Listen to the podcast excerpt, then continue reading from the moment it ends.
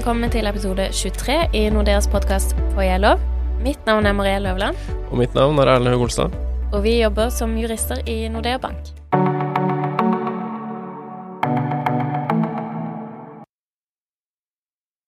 Eneie, sameie, felleseie og særeie. Det er begreper vi bruker daglig i jobben vår, ikke sant, Erlend? Det er det absolutt, og det er begrepet vi må forklare ganske ofte også, av eh, god grunn.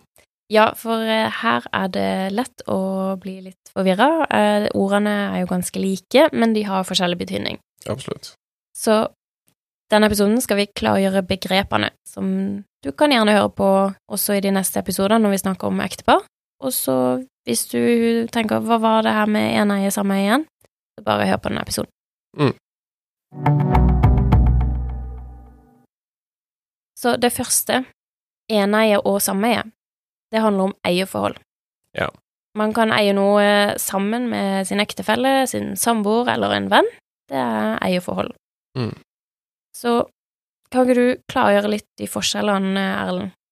Ja, Og det er som du sier, at det er ikke bare med ektefeller det her er aktuelt. Det er med alle, så kan du enten eie noe sammen eller alene. Um, I et ektepar så kan man tenke at mobiltelefonen sin, den eier man typisk alene. Mens for eksempel TV-en, de større møblene og boligen, kanskje, og så en hytte eller en bil, ting man har kjøpt sammen, eh, eier man sammen. Mm. Ja, så jeg pleier jo ikke å si at jeg eier mobilen sammen med mannen min, det er gjerne mitt Mm. alene, så det går inn i mitt eneie. Ja. ja. Mens vi har kanskje kjøpt eh, TV-en sammen, og, og begge to bruker den, så det er i vårt sameie, da. Mm. Så det er egentlig det eierforholdet. Det sier hvem eier hva, og det gjør det under ekteskapet. Ja. Og så er det formue, felleseie og særeie. Det sier noe om hvordan formuen din skal deles når ekteskapet avsluttes. Ja. Det som er hovedregelen for ektepar, er at man har felleseie. Og felleseie, det betyr at eh, ektefellene sin samla formue, det er eier og det er mannen min eier, det skal i utgangspunktet deles likt når ekteskapet avsluttes. Ja, Så det gjelder både TV-en og mobiltelefon. Riktig. Mm. Så verdien av det skal deles likt. Det Mm. betyr ikke at jeg trenger å gi fra meg halvparten av TV-en. Det lar seg gjerne ikke gjøre. Da kan jeg ikke i hvert fall bruke den etterpå. Nei. men det er verdien. Ja. Og bakgrunnen for denne regelen, at det er hovedregelen, er for at eh, begge ektefellene de bidrar med felles innsats. Kanskje du gjør det litt ulikt, kanskje den ene har litt høyere inntekt enn den andre, kanskje den andre bidrar mer med arbeidet hjemme, men sammen så fungerer de som ektepar, og det er den verdien som skal deles likt når ekteskapet avsluttes. Det stemmer. Der kan man jo bare for å illustrere litt for seg selv, tenke på et ektepar, et litt mindre moderne ektepar kanskje, Mm. hvor de sammen på sin måte bidrar til at den ene er ute og tjener pengene, og den andre kan legge til rette for det ved å jobbe hjemme.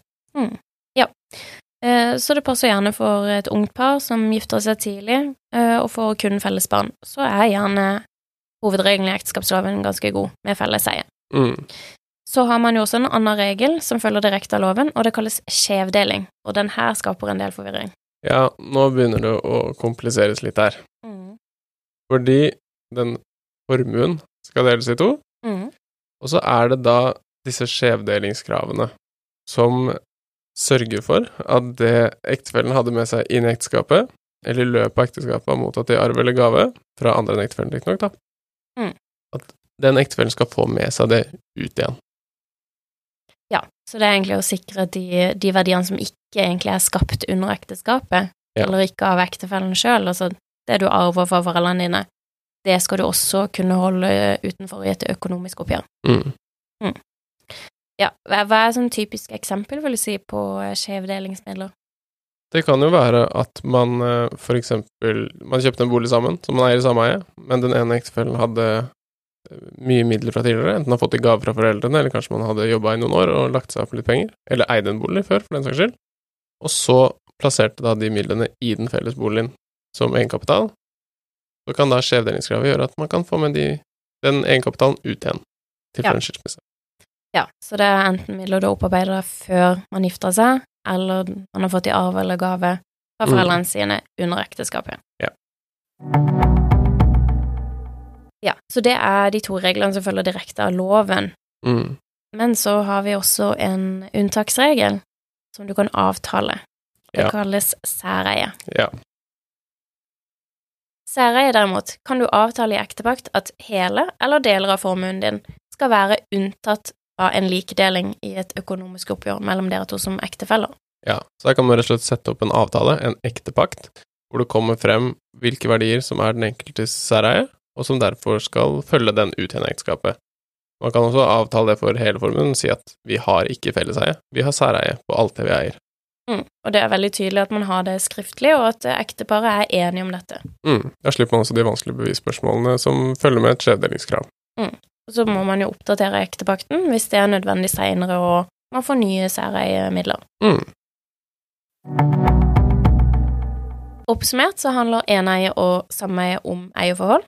Hva du eier sammen med ektefellen din, og hva hver av dere eier alene. Ja.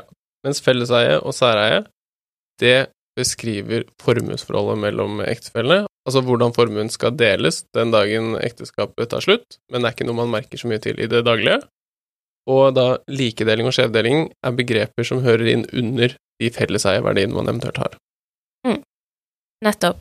Så håper at dette klargjør litt forskjellene på begrepene eierforhold og formuesforhold. Det håper jeg òg. Og så må dere gjerne høre på neste episode, som handler om hva som skjer økonomisk når man gifter seg. Takk for at dere lytta. Ha det bra.